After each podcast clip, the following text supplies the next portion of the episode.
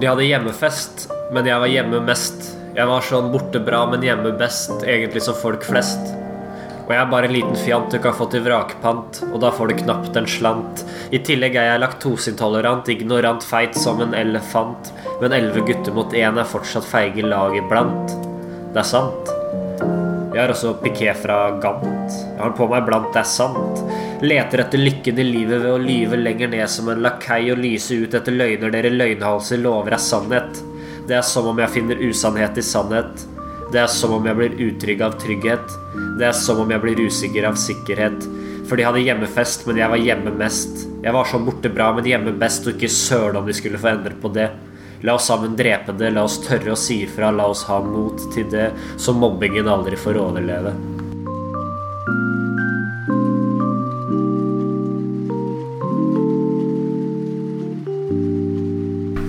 Hei, hei, og velkommen til det 13. avsnittet av podkasten Godt snakk med meg, Joakim Furulund, og en helt spesielt invitert gjest. Først og fremst vil jeg bare si tusen hjertelig takk til alle som lytter. Det er dere som har gjort et talkshow ut av det her. Når det er sagt, så har vi gledet oss ekstremt mye til dagens gjest. I ung alder ble han regnet som et av landets aller, aller største talent, og som 17-åring dro han til Amsterdam og Ajax. Dagens gjest har også vunnet cupen med Fredrikstad, og mange blir han betegnet som nettopp Mr. Fredrikstad. Vi får høre litt om hvordan alt ble som det ble, historier om Louis van Gaal og livet etter fotballkarrieren. Dagens gjest er Hans Erik Ramberg. Pakk snippsekken, for nå kjører vi.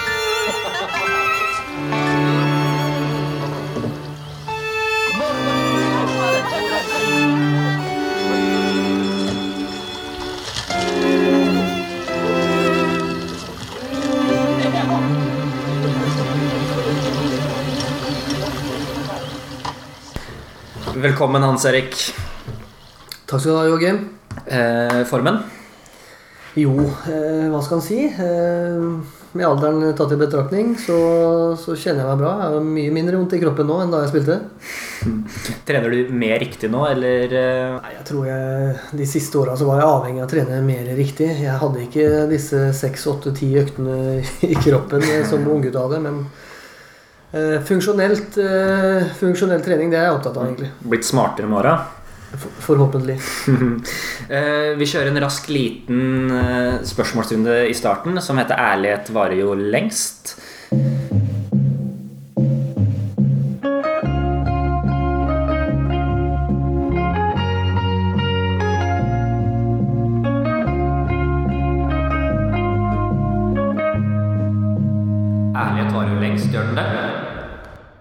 Alder, 41. bosted, Halden. Rock City. trives der. Ja da, det er bra, det. Eh, har du noen favorittfotballspiller? Ja, det har jeg egentlig. Eh, I ungdommen var det Maradona, eh, for å si det rett ut. Ja, det er en ærlig sak, det. Ja. Yndlingsformasjon. Yndlingsformasjon. Det er ganske enkelt. Jeg er jo vokst opp i 4-3-3 eh, og spilte indreløper eh, i den formasjonen, og det var eh, veldig givende, spesielt under Eggen. Eh, Knut Torbjørn, som vi har mye å, eh, å takke for, eh, han lot oss utvikle rollen sjøl og var svært opptatt av detaljer, så det, det var en givende tid. Så det var som indreløper du var best, og der du trivdes best? Ja, med alderen, da jeg hadde alderen eh, og karrieren litt sånn foran meg, så, så var det jo det, for da var jeg litt sånn fjellgeit. Eh, Så det ble mye løping, men det er fordelen. Kunne være med foran og, og bak. Hvis en fotballspiller bor to kilometer fra treningsanlegget, bør han sykle til trening da? Altså Tor Tronsen og Jan Tore Opphaug de bør definitivt eh, sykle. Eh, Men for oss som har høy hverdagsaktivitet, så, så vil det eh, avhenge av ting. Eh, men ja, i utgangspunktet så kunne man sykla eller gått. Nå finnes jo elsykler til og med. Kaffe latte eller espresso? Jeg må si espresso der, ja. Marbella eller Hvaler? Det blir Hvaler. Jeg er jo vokst opp på Kråkerøy, så det, det svaret er det ingen tvil om. Eh, Marbella er sikkert fint, men eh, norsk sommer er eh, uslåelig når vi får noen solgløtt innimellom. Kjøtt eller fisk? Nei, det blir fisk. Eh, har vært velsigna med gode råvarer, så, så en god, spenstig torsk er jo en reise bedre enn kjøtt i mine øyne. Øl eller vin? Ja, det blir rødvin. Eh, definitivt. Kroner eller pund? Si kroner. Hettegenser eller piké? Piqué. Ståle Solbakken eller Lars Lagerbäck? Nei, vi sier Ståle Solbakken. Har vært, eh, jeg har både spilt mot den og hatt litt med den å gjøre. Sånn, eh, en fin fyr. Og jeg husker jo selvfølgelig det intervjuet han hadde med Paul Gordon Nilsen på NRK for mange år siden. At han, kunne, han Paul Gordon kunne gå hjem og være lei seg hos mora si. Det var vel på Hamar. Ja. Eh, så der, eh, der høyna han seg sjøl og fikk legendestatus i mitt hode. Så det var en, eh, det var en herlig seanse, husker jeg. Hva skjer om et halvt år? Uh, nei, jeg er opptatt av stabilitet, så forhåpentligvis så er det ikke mye endring i mitt liv. Jeg håper jo egentlig at vi får se mindre av dette større bildet som preger verden vår nå. eh, I form av terror og andre ja, grusomme hendelser. Så det, det får jeg håpe er på retur etter hvert. Hvis vi vender litt på det, hvor er det om fem år? Eh, Det viser seg vel det at det er vanskelig å svare på eh, for mennesker, og noe særlig lenger enn et par-tre år fram i tid. Eh, Så det gidder jeg ikke å gjette på engang. Men ja, jeg håper helsa er der. Det håper jeg. Hvis vi går litt, litt dypere her, la oss starte liksom der alt, der alt begynte. Var det veldig tydelig at det skulle bli fotball for din del? Ja, det er både ja og nei. Jeg vokste jo opp eh, på denne kanten av landet. Eh, og det var jo veldig lite å ta seg til inne. Vi hadde jo ikke sånne duppeditter som vi har nå. Eh, så det var veldig vanlig å se barn ute i gata, og ungdom. Og det gjorde vi òg. Vi brukte årstider, så jeg sto mye på skøyter og kunne sikkert ha spilt hockey òg, men, eh, men fotball var jo en viktig del av oppveksten vår. Så vi spilte forskjellige leker på Løkka. Og tilegna oss faktisk den street smartnessen som jeg kanskje savner litt i, i dag. Når var det du forsto at du kunne bli fotballspiller?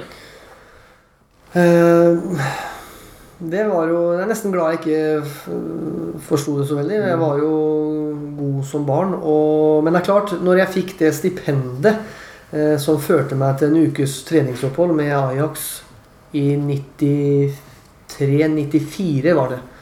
Eh, da forsto jeg at uh, det var litt uh, At jeg hadde talent utenom det vanlige. Da. For det var neste spørsmål, og det er ganske interessant og ganske absurd også. For som 17-åring så dro du til Amsterdam og Ajax. Hvordan skjedde det? Hvordan kom, kom det der til? Jo da, vi hadde en, eh, et blad som heter Fotball, som kom ut i sin tid. Veldig bra sådan. Lars Petter Fossdal var primus motor for det. Han ordna seg så vi fikk et sånt stipend. altså Det var en tre-fire gutter av oss eh, i hver vår årsklasse. Det var Gunnar Norebø, Jon Knutsen, Hai Tran og jeg som eh, reiste ned. Vi eh, på et eh, ukes opphold. Eh, Og i ettertid så fikk han Gunnar Norebø, som var i Brann i sin tid mm. Djevelsk god spiller, han òg. Han takka nei eh, til et eh, opphold nummer to. Jeg takka ja. Eh, eh, Så kan man diskutere det. Men i så fall så, så gikk det også bra. Spilte noen kamper og greier. Så fikk jeg tilbud om permanent opphold eh, på en toårs eh, lærlingkontrakt eh, i storklubben. da Og det var bare Det var, he, det var bare, bare ja? Ja, det er klart det. Eh, Litt sånn godkjenning fra foreldra, de fikk vært med ned og så at jeg fikk ordna boforhold, og at eh, opplegget var bra, noe det absolutt var. De hadde jo peiling på det de drev med. Det var litt mer sånn eh, hva skal jeg si, gammeldags disiplin og sånn der nede, men For du bodde hos en vertsfamilie? ja, det gjorde jeg. Hos en eks-Ajax-spiller, faktisk. Ja. Som møtte til og med FFK i 1960, Oi. da FFK slo Ajax ut av Europacupen. Eh, Så det er rart. Han traff en norsk dame på den turen og gifta seg. Og ergo han snakka norsk, og da var det naturlig at jeg bodde der. Helt, helt utrolig. Ja, helt utrolig. Um, når du kommer ned dit, hvordan ble du tatt imot? Hvor, sånn Førsteinntrykk og Det må jo være ganske, det er en ganske brutal overgang. Ja da, du, du får kjenne på det utenlandske klimaet med en gang. Eh, Jeg var eneste utlendingen i akademi på den tiden. Det var en som heter Titti eh, også, det stemmer nok, så vi fant hverandre litt. Mm. Han var fra Ghana. Men det er klart, ingen ønska å overlate sin plass til meg. For det var jo sånn at alle de som spilte på det eldste juniorlaget, hadde en, eh, hadde en ganske sånn prosentvis stor sjanse for å oppnå proffkontrakt. Eh, så det var knallhardt i førsten, og ble den viktigste erfaringen egentlig i mitt liv. eh, I og med at jeg ble frøst ut og ikke snakka til på et par måneder. Eh, Så det var tøft. Det var det. Hvordan, hvordan takla du det? Hvordan kom du over det? For det er jo sånn, Om man klarer å takle det, så vil man jo vokse på det. Men det er ikke bare bare for en 17-åring og det å, å, å fryse sånn der hardt og brutalt. Neida. Jeg, som sagt, jeg trener på vogna, og så det verste som kan skje, prøver jeg å fortelle gutta, er jo alltid du kan reise hjem. Så jeg er litt sånn uenig med disse forstår-seg-på-erne og vår fremste fotballhode, Nils Arne Eggen. Han, han vil jo gjerne at folk skal bli hjemme i Norge så lenge som mulig. Eh, og den oppfatninga deler jeg ikke helt. Eh, jeg hadde angra hvis ikke jeg hadde dratt. og du blir først og fremst eh, sterk som eh, menneske. da. Eh, Det gjør du, for du må jo komme deg over det. Altså, du, du er der nede. Du kan grine på kvelden og grine deg i søvn, Én ting, men neste dag så må du faktisk stå opp og så gjøre noe med det selv.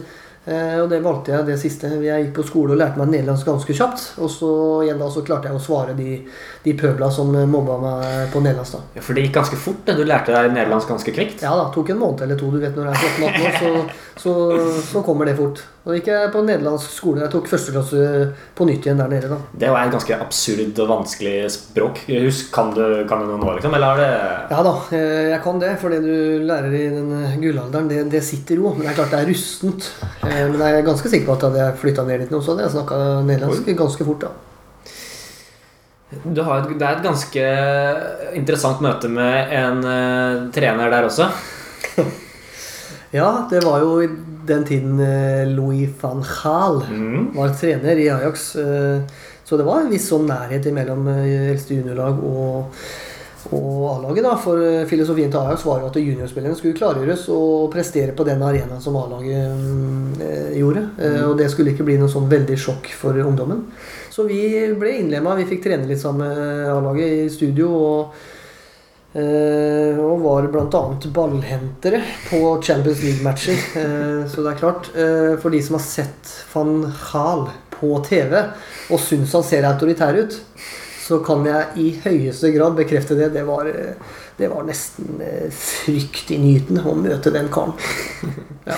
Men det er jo Det var en ganske sånn interessant diskusjon eh, om hva, hva, som, hva som skal være hos en trener.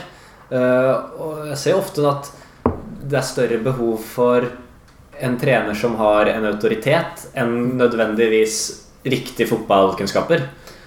ja eh, Hvert fall sånn det har blitt med, med, med liksom styre, sportsdirektører, sportssjefer og hele den der. Eh, Så har man kanskje mer behov for en som er sjef. Ja, det har jeg fortsatt troa på. Eh, Det, du er inne på noe vesentlig der. Det er nesten viktigere å kunne samle og bygge et lag som i utgangspunktet består av forskjellige personer som ikke kjenner hverandre, som har forskjellige egenskaper og kvalifikasjoner. Så handler det for en trener å få det beste ut av det laget.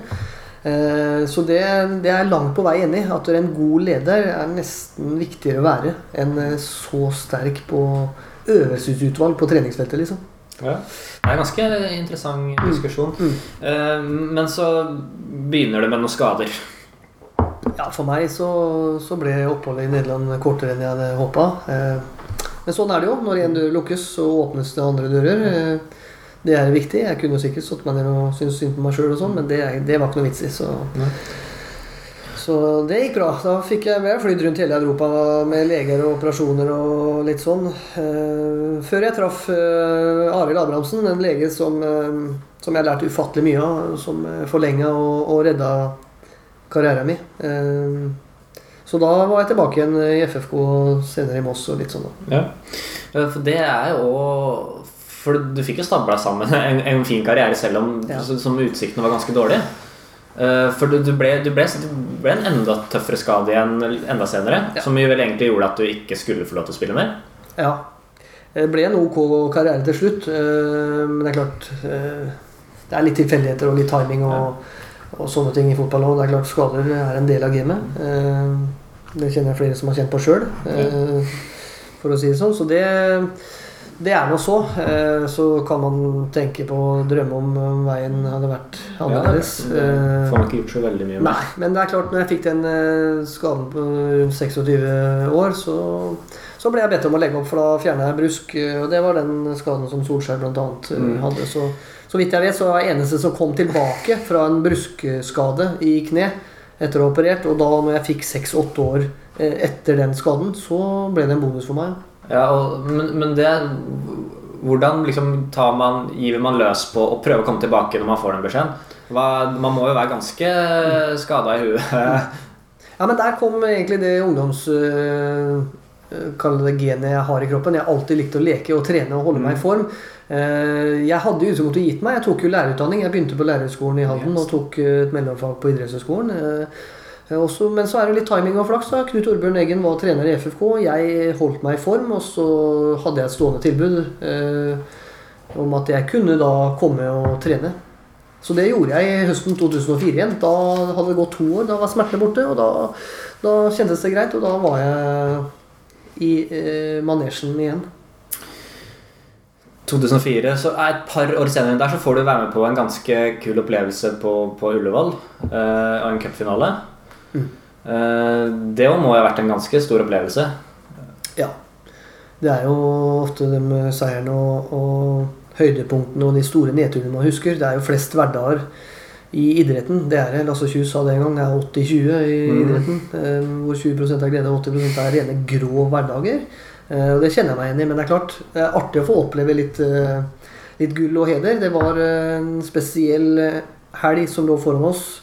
Akkurat som det var et manus skrevet. Vi, hadde, vi opptrådde dagen før, og vi ja, møtte supporterne, og vi vant cupfinalen. Og det var um, ja, folkefest i byen. Så det glemmer man aldri. vet du. Den, Så skårte mål også. ja, det gjorde jeg, vet du. Så det er jo ikke, var ikke hver dag i min, eh, mine eldste år at jeg lagde så mye mål.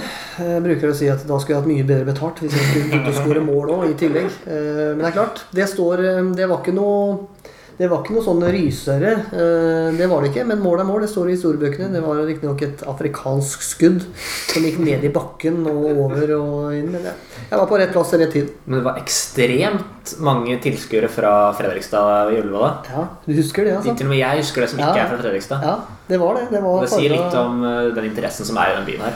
Ja, det var jo når Ulf Berg var general for Plankeren, og så stabla han jo over 100 busser til vanlige seriekamper til Ullevål. Eh, og det er det som er fantastisk med Fredrikstad eh, som by. Det er en by som er engasjert og, og ønsker at FFK skal opp. Eh, selv om FFK for så vidt er en ganske liten klubb, så er det en hel by som står bak dem når det går bra.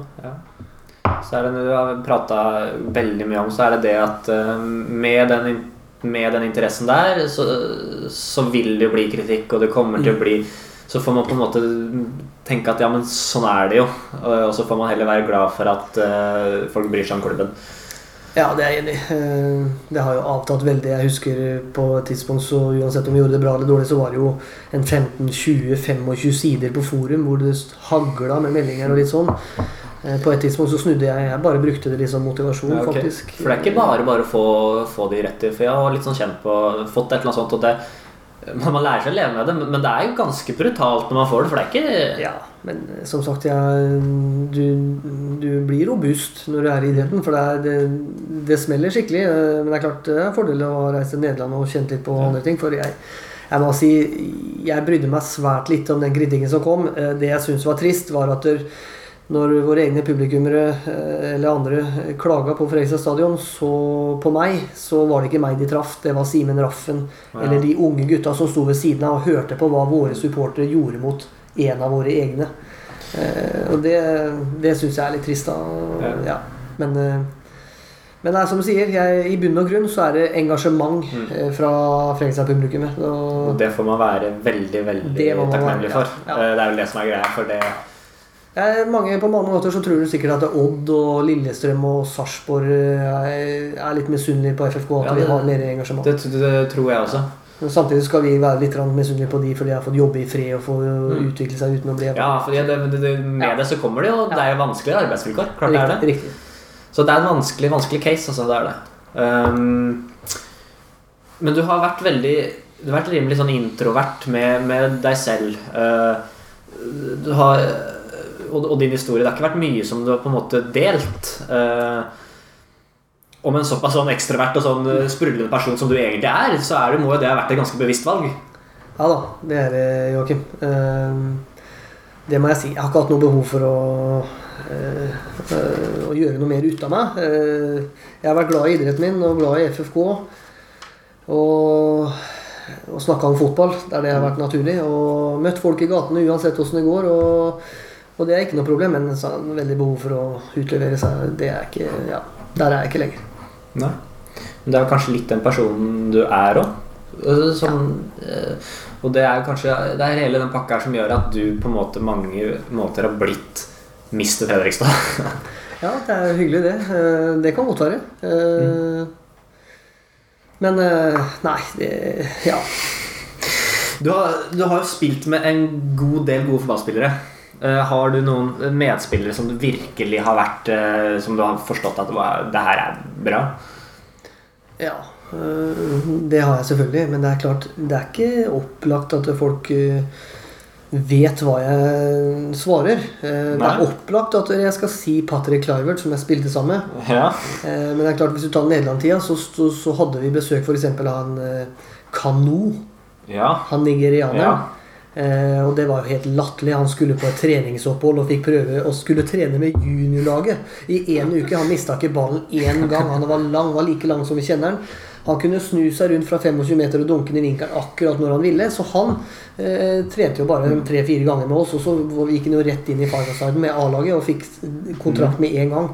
Så det var, det var jo helt en ut av deg sjæl-opplevelse å se på han. Men så hvis vi går til Fredrikstad, så er det opplagt at vi visste at Tariq skulle bli eh, Det skulle bli kortvarig i Fredrikstad. Så jeg husker den første sesongen hvor han spilte jævlig bra, men skåra få mål. Så sa jeg la Tariq få spille, men jeg håper han ikke skårer mål, for den dagen han begynner å skåre, så er han vekk. Og det skjedde. Det skjedde det, ja. og det skjedde. Han hadde jo en fenomenal balanse og koordinasjon og hadde løpt på steppesletten i Marokko da han var 11 år barbent, så han Satt jo ikke spor i nysnøen, som vi vet. Og skåra både med høyre og venstre. Og det, det er fortjent at han har nådd dit han uh, har. Mm. Eller så hadde vi en spiss i FFK som heter Everton. Ja, stemmer Costa. Eh, det er klart, han, var, eh, han veide 70 kg og var tynn som en flis. Eh, men ufattelig sterk i kroppen. Han var kapabel til å ta ned Du kan tenke deg en lang ball fra midtstoppere, sånn typisk norsk på treningsfeltet. Litt trangt treningsfelt der. Og så en lang ball opp, og alle tror det skal bli hodeduell. Så ser du plutselig at Everton spretter opp og tar ned den ballen på kassa og holder liksom stoppere som, eh, som var mye større enn seg sjøl unna. Så, så, det var eh, ja. Men han har spilt med Celso Borges også, eller? Ja.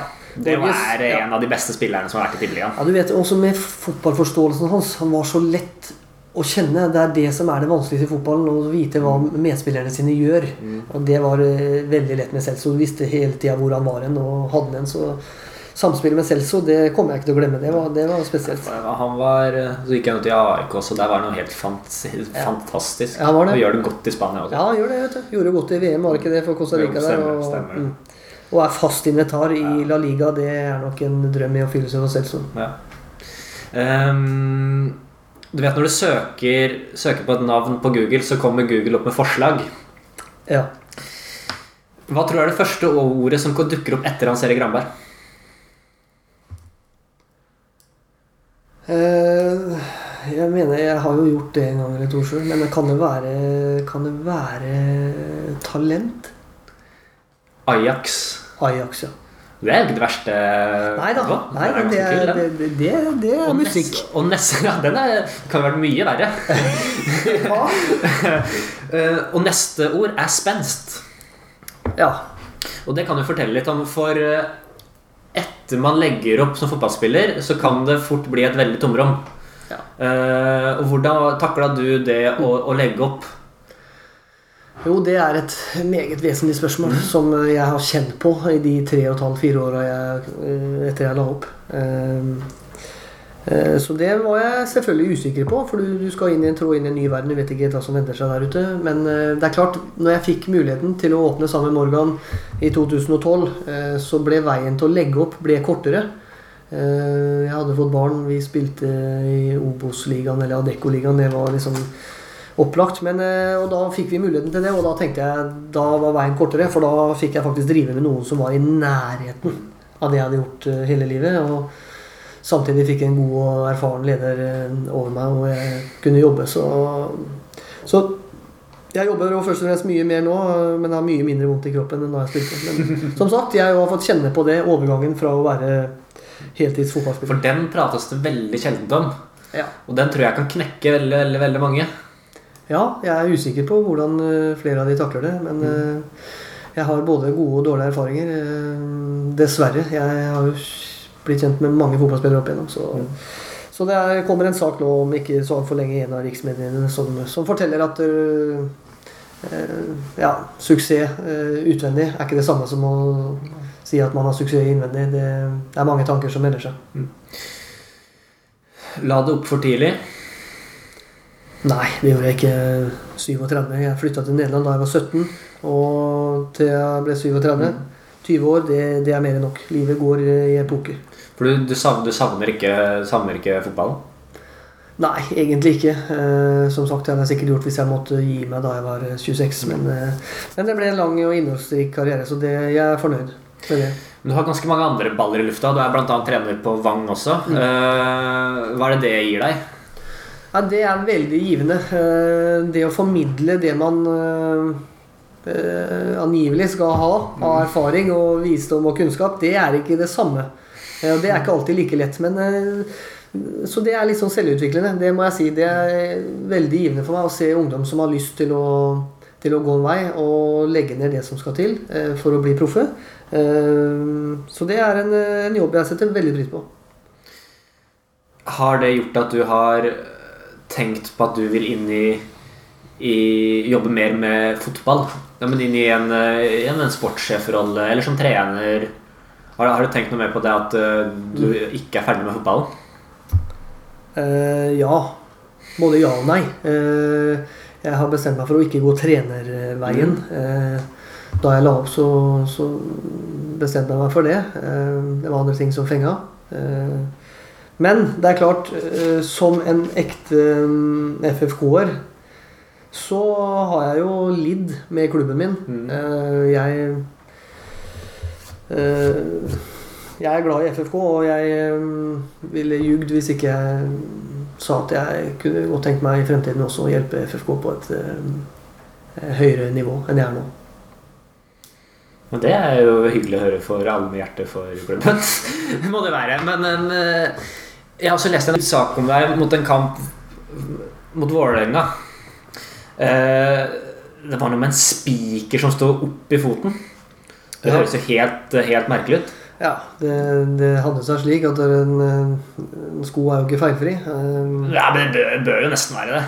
Ja da, men eh, som sagt så skjedde det da, og så varma jeg opp, og så faen, litt sånn vondt nedi foten. Du vet åssen det er. Ja, men tør man- man Nei, du sier jo ikke fra, selv om jeg var jo eldst. så slapp av, det går bra, liksom. Det er jo et eller annet. Men så var jeg inne i- før kampen, og, og jeg tok ikke av meg skoen, for fordi det går over, tenkte jeg. ikke sant, Det var bare litt vondt. Og så spilte jeg jo første omgang med den med den, eh, den stiften fra fotballskoen som fester knottene, Ja. den sto litt ut av sitt gode skinn og sto inn i foten min. Så den hvite sokken når jeg kom inn i pausen, var jo sånn delvis, eller helvis, rød. Eh, Så det var jo en artig sak, og da lagde jeg til og med et mål Ja, det også. med det eh, fra et skudd.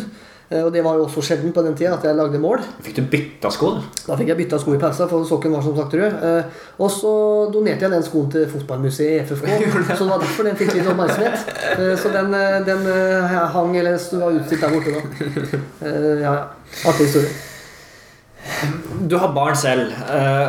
Og jeg vet at du har uttalt deg litt om det der over, litt overivrige foreldre. Hvordan, hvordan takler du den balansen? Nei, det er jo veldig enkelt foreløpig da jeg har jenter. Så, eh, men for å si noe sånn eh, generelt om det, når jeg først har muligheten, så vil jeg bare oppfordre foreldrene til å liksom heie på barna sine, og så la det bli med det. Eh, For, for man må få utvikle seg selv. Og liksom det Vi har eksempler på det motsatte, sikkert du og jeg, fra vår barndom. Men det jeg vil sterk oppfordre det at foreldre hei på barna. Kom gjerne og se på kamp, og sånn, men dere må ikke på hver trening og sitte og ta tiden på hvor lenge sønnen din spiller. Så hei på barna deres. Hei dem fram. Eh, Og det vil jeg i hvert fall se oftest at tidligere utøvere gjør. De, for, de forholder seg til det og, og Ja, for det er sånn Jeg har sett veldig Veldig mange toppspillere som får barn, det er ofte de som er Altså som er minst bekymra. Ja, og det er helt riktig. Det, det, det, ja, Barna må få utvikle seg selv. Hei de frem og sånn, men eh, å skryte og følge de opp på alt mulig slags treninger og, og mene ting Eh, det, det har jeg ikke noe sånn veldig sansen for. Eh, Da tror jeg at det er tid for poddens dikt, som skal gjennomsyre episoden på et eller annet vis.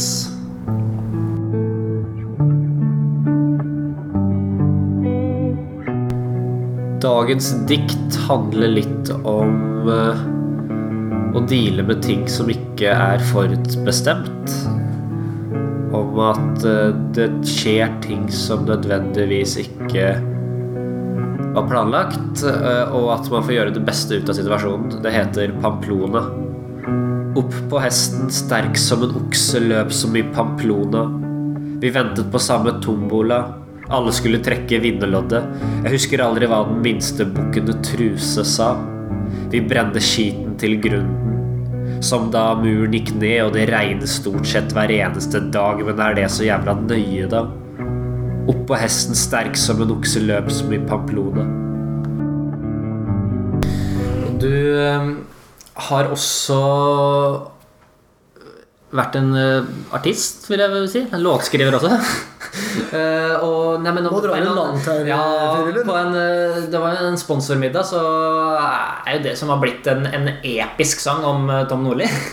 Måtte du dra opp den? Den eh, trodde jeg var glemt. Eh, nei da. Men en litt artig historie. Jeg, jeg tenkte jo i og innimellom må du bevege deg ut av komfortsona. Eh, så jeg valgte å skrive, en, eh, skrive om en gammel klubbsang som eh, Svartek og jeg skrev en gang. Og så, så satt jeg stille i salen. Det var en middag med ordfører til stede, Eva Kristin, Frp den tid, og, og fotballformann og greier. Så gikk middagen, og så var det ingen som visste noe. Så hadde jeg avtalt med Henning Røli, da, som spiller litt uh, gitar. Så hadde jeg skrevet um, en sang uh, om Tom Nordli. Og den Ja.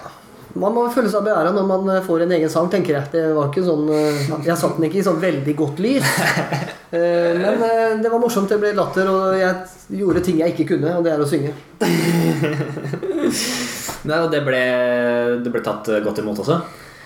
Ja, det var mye internt der. Det er klart Ja. Den, den, jeg håper han Nordli kan se gjennom fingra eller le av det i dag. Han var dessverre ikke til stede. Det var det jeg åpna med å si òg. Men det er klart eh, Hvis jeg hadde bedt meg å ta noen strofer her, så hadde jeg slitt med å, å velge hva jeg skulle ta, for det er eh, Ja. Refrenget gikk jo litt sånn at eh, Tom tar lønnsposen sin, som er større enn din. Eh, han hadde jo akkurat fått slutt, eh, sluttpakke og litt sånn, men eh, Det var basert på, på Jon Nesbøs eh, 'Jenter som kommer og jenter som går'. Og det er klart, når du begynner med 'trenere som kommer og trenere som går', 'takk for ingenting, Nordli, vi ses ei mer i år', så, så ble det latter. Jeg måtte dele ut teksten til, til publikum, så de fikk lese noe. Men, men det var artig. Det ble en eh, fin eh, avrunding på middagen. Ja, det var- det var ofte sånne ting som, eh, som sammensveiser en gruppe også. Eh, Ja da. Eh, Det er det, vet du. Det er lagbygging og, og litt sånn.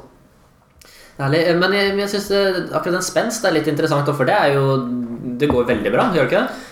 Jo da, det går jo framover. Vi har eh, drevet nå i fem år. Um, utrolig gøy først og fremst å bygge noe til seg selv. Egen arbeidsplass. Og være med å forme et uh, miljø og et omdømme og rykte og, og lag uh, fra starten av. Uh, og I den bransjen er det jo sånn du får liksom Det er et førsteinntrykk, liksom. Så vi Ja, var veldig Veldig godt forberedt og, og var innstilt på å bygge omdømme innenfra, eh, som har mye å si. For det var, vi åpna vel som det 15. eller 16. treningssenteret Ja, for det er ganske i. Fredrikstad. Og da må det være et eller annet som gjør at man velger nettopp dere. Ja, og, Men vi er ikke noen stressa fyrer. Vi, vi, vi har jo konkurrert hele livet, eh, så, så det var vi ikke sånn stressa på. Men det er klart, eh, når jeg sitter her og holdt ut i fem år, så var vel det fire år, Joakim, lengre enn våre kritikere hadde trodd. Ja, ja men det er, jo, ikke- det er jo kult å kunne si det. Ja, det, er, det kan du godt eh, si. Så, Så er det fantastisk beliggenhet. ja, det er det. For de som har vært her, så, er, uh... så selger det seg litt sjøl. Ja. Det er panoramavinduer og fin utsikt over elva i Fredrikstad. Da, så, så det er vi fornøyd med. Ja, det er strålende. Det er en munter og fin arbeidsplass Ja, det vil jeg tro det er. Ja. Du går jo i ett uh... Ja, for du Jeg tror vi begynner å nærme oss, eh, nærme oss noe. Ja. Mm. Uh, har du noe mer du har lyst til å tilføye, egentlig? Nei, jeg vil takke for invitasjonen. Det var nydelig å få smake på en eh, god lunsj. Uh, ja, så takker for at du ville ha meg. Det var kjempegøy. Jeg må bare stemme bak det og si at tusen hjertelig takk for at du tok deg tiden. Og så tror jeg det ble rimelig godt snakk. jeg.